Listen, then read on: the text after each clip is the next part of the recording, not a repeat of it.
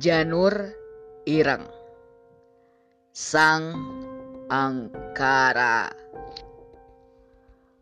Mira mengendarai mobil. Jam menunjukkan pukul 5 sore. Setelah mendapat sedikit informasi yang bisa ia gali dari tempat kejadian perkara, Mira berniat langsung mengerjakan semua laporan tentang penemuan mayat tanpa kepala itu. Untuk deadline berita esok sesuai instruksi dari kepala redaksi Mbak Stella. Mira melangkah masuk. Namun tiba-tiba perasaan tak enak itu muncul begitu saja. Mira berhenti di depan lift. Mira yang seorang diri merasakan sesuatu yang ganjil, belum pernah Mira merasakan kantor tempat ia bekerja. Sesunyi ini Seakan ini bukanlah kantor yang biasa ia lalui. Lagi pula, ini masih terlalu dini bagi karyawan yang sudah meninggalkan kantor.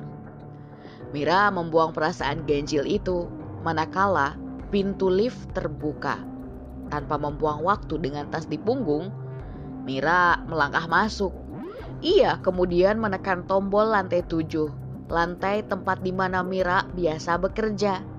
Pintu lift tertutup. Perlahan-lahan, lift bergerak naik. Mira masih teringat dengan mayat tanpa kepala itu. Pembunuhan macam apa hingga kepalanya saja sampai tidak ditemukan? Mira berdehem setiap kali mengingat hal itu.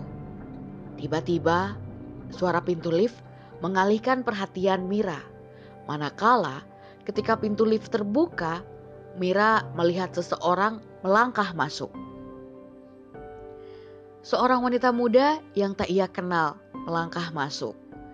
Ia tersenyum pada Mira, namun Mira menanggapinya dengan anggukan yang canggung. Mira melirik tombol lantai dan baru menyadari ia masih ada di lantai tiga, tempat di mana kantor dari bagian lain berada. Si wanita rambut berhitam panjang itu mengenakan blus merah dengan rok hitam, berbanding terbalik dengan pakaian Mira yang apa adanya. Mengingat Mira sendiri ikut terjun ke bagian lapangan. Wanita itu lalu berdiri di samping Mira sebelum akhirnya ia menekan tombol lift di angka 9. Tak ada sesuatu yang aneh bagi Mira saat itu, kecuali saat tiba-tiba di dalam kecanggungan lift, Mira merasa aneh dengan wanita tersebut yang lebih banyak memilih untuk diam tak bergerak sedikit pun.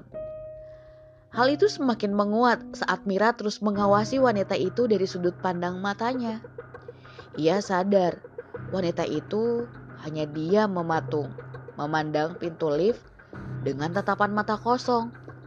Mira mencoba untuk tetap tenang, ia memilih tak banyak bereaksi. Sejujurnya, Mira bukan orang yang suka ikut campur urusan orang. Ia sendiri selalu merasa tak nyaman bercakap dengan orang yang tak ia kenal, meskipun orang itu bekerja di perusahaan yang sama dengan dirinya. Suara pintu lift terdengar. Mira bersiap melangkah keluar saat tiba-tiba ia mendengar suara lirih dari wanita di sampingnya itu. Ia berbicara tentang sang angkara sudah datang. Mira tertegun sesaat, lalu menoleh melihat si wanita. Aneh, pikir Mira. Tetapan wanita itu masih kosong. Namun, ada senyuman yang tersungging di sudut bibirnya. Mira keluar dengan perasaan semakin aneh. Meski ia tak mendengar dengan jelas maksud ucapan wanita itu, namun Mira yakin ada sesuatu yang tiba-tiba mengganjal di dalam dirinya. Sesuatu yang selalu muncul di kepala Mira, namun selalu gagal ia gali. Lika-liku di dalam kepalanya benar-benar seperti labirin yang aneh. Mira tidak bisa jangkau seorang diri. Hal apa yang sebenarnya terjadi dengan dirinya? Mira terhenyak. Ia masih berdiri di depan pintu lift yang sudah lama tertutup.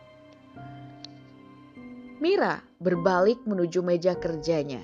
meletakkan tas, dan mengeluarkan beberapa buku catatan dan jurnal tempat ia menulis informasi detail dari kejadian hari ini.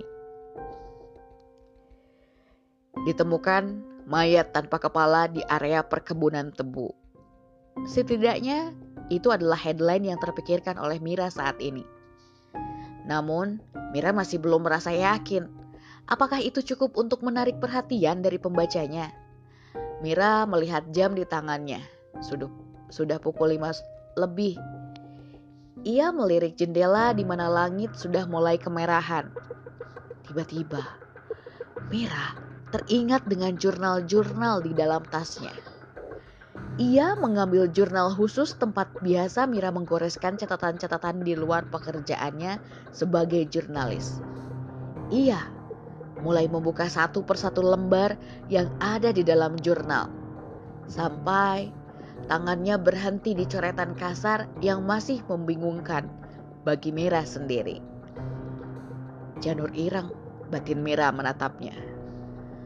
Bagaimana ia bisa menulis catatan ini dalam keadaan yang tidak sadar?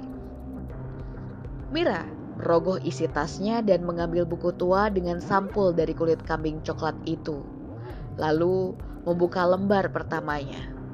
Mira mencocokkan satu sama lain seperti sebelumnya untuk meyakinkan dirinya bahwa aksara Jawa yang terpampang di sana benar-benar sama dan ternyata memang sama. Menghabisi nyawa seluruh keluargaku. Mira terdiam lama, duduk di kursinya. Ia memikirkan siapa yang menulis dan meninggalkan catatan ini di dalam ruangan itu. Apakah mungkin pemilik catatan ini adalah mayat tanpa kepala itu? Entahlah, pikiran Mira masih kalut. Mira kemudian membalik halaman per halaman. Berikutnya hingga halaman terakhir. Namun, tak ada yang Mira pahami ataupun mengerti karena semua halaman yang ada di dalam buku kuno itu nyaris dipenuhi tulisan-tulisan dengan aksara Jawa yang Mira sendiri tidak dapat membacanya. Padahal Mira sendiri lahir dan besar di Jawa. Tut, tut, tut. Suara telepon di meja Mira tiba-tiba berbunyi. Sampai membuatnya terlonjak. Namun dengan sigap Mira mengangkatnya. Mir, ucap si penelpon. Riko, tanya Mira. Syukur masih ada lo di kantor. Gue bisa minta tolong buat cek buku gue di atas meja. Kayaknya gue lupa tanggal berapa gue ada wawancara dengan Pak Sobo. Gue butuh nih, bisa nggak? Mira menoleh melihat meja Riko sebelum mengatakannya. Buku warna hijau tua itu. Ya, betul sekali. Thanks God. Bisa lo lihat kan Mir, tanggal berapa? Oke, kata Mira. Ia berdiri di tempatnya, lalu berjalan perlahan mendekati meja Riko. Ia melihat buku berwarna hijau tua itu, membuka lembar per lembar halaman saat tiba-tiba suara pintu lift terdengar. Ting tong. Mira menoleh melihat ke arah pintu lift. Ruangan tempat Mira bekerja sendiri adalah ruangan yang memang didesain dengan sedinamis mungkin, sehingga meski dari meja para karyawan bisa melihat langsung ke arah pintu lift, sehingga para karyawan yang bekerja bisa tahu kedatangan dan kepergian seseorang dari segala sisi ruangan. Mira masih menatap pintu lift. Ia terpaku menunggu siapa yang akan keluar dari sana. Namun anehnya, Tak ada siapa pun yang melangkah keluar dari sana. Mir, gimana? Tanggal berapa itu? Mira terhenyak. Ia lupa bila Riko sedang menghubunginya. Mira kembali fokus pada buku di depannya. Melihat lembaran di atas meja dan setelah mencari-cari, akhirnya Mira menemukannya. Tulisan Riko tentang wawancaranya dengan Pak Sobo, salah satu orang terkaya di negara ini tanggal 24 Agustus tahun 2000 Mira melihat ke arah lift lagi. Entah apa yang baru saja terjadi. Mira merasakan perasaan paling tak enak yang belum pernah ia rasakan hingga sejauh ini. Oke Mir, makasih gue berhutang sama lo. Ngomong-ngomong, kok lo masih ada di kantor sih? Mira tidak mendengar apa yang Riko katakan. Ia masih fokus menatap pintu lift hingga dari jauh terdengar suara langkah kaki mendekat. Seseorang baru saja melangkah masuk. Tap, tap, tap. Mira menatap bayangan hitam orang itu yang berjalan mendekat ke arah tempat Mira berdiri. Sosoknya tinggi semampai dan dari bayangan lekuk tubuhnya Mira merasa familiar. Ia terlihat seperti Mira terhenyak saat tahu itu adalah wanita yang ia temui di dalam lift tadi. Darah hitam yang ada di dalam tubuh manusia itu adalah pertanda dari datangnya musibah tujuh cerita. Kamu adalah salah satu yang ada dalam takdir bunga merambat Wijaya Kusuma. Mira terpaku menatap wanita itu. Ia berbicara dalam logat bahasa Jawa yang kental. Aneh, apa yang ia cari di sini? Kenapa ia ada di sini? Mir, ada orang lain ya di situ ucap Riko dari pesawat telepon. Namun, Mira tak bergeming mendengarkan. Ia lebih tertuju pada wanita itu yang mendekatinya. Namun, berhenti di meja tempat ia bekerja. Tak lama, wanita itu mengelus perlahan buku tua itu sebelum menatap wajah Mira yang masih penasaran. Buku dari bar dari darah Bolosedo darah hitam yang bernama Kuncoro. Ucap wanita itu sembari menyeringai menyentuh buku itu. Namun tak lama ia melirik Mira. Tatapannya begitu mengerikan. Anda siapa? Ada urusan apa Anda di sini? Wanita itu masih tersenyum ganjil, membuat Mira begidik ngeri. Satu tangannya seperti menyembunyikan sesuatu yang tidak dapat Mila lihat. Sementara tangan lain membelai buku itu sembari terus menyebut-nyebut tentang Kuncoro. Mir, jancuk. Jawablah, ada orang lain ya di sana. Mira masih tak menjawab pertanyaan Riko. Karena wanita itu kini berjalan mendekatinya. Saya ada urusan dengan kamu. Karena itu, saya meminta tolong. Tolong adikku, Mbak. Namanya Bayu Saseno. Kamu harus menolong dia karena Bayu itu sama seperti kamu. Tujuh yang dipilih yang kelak akan melawan tujuh yang lain. Nolong, Wanita itu sudah berdiri di depan Mira. Ia menyentuh Mira, menatapnya dengan tatapan mengiba. Bagaimana caraku untuk menolong? Siapa itu tujuh yang lain? Wanita itu hanya diam sembari menatap wajah Mira. Tujuh yang aku maksud adalah bencana yang akan kamu temui. Waktunya sudah dekat. Mbak bisa menolong adik saya dengan wanita itu terdiam sejenak. Darahmu.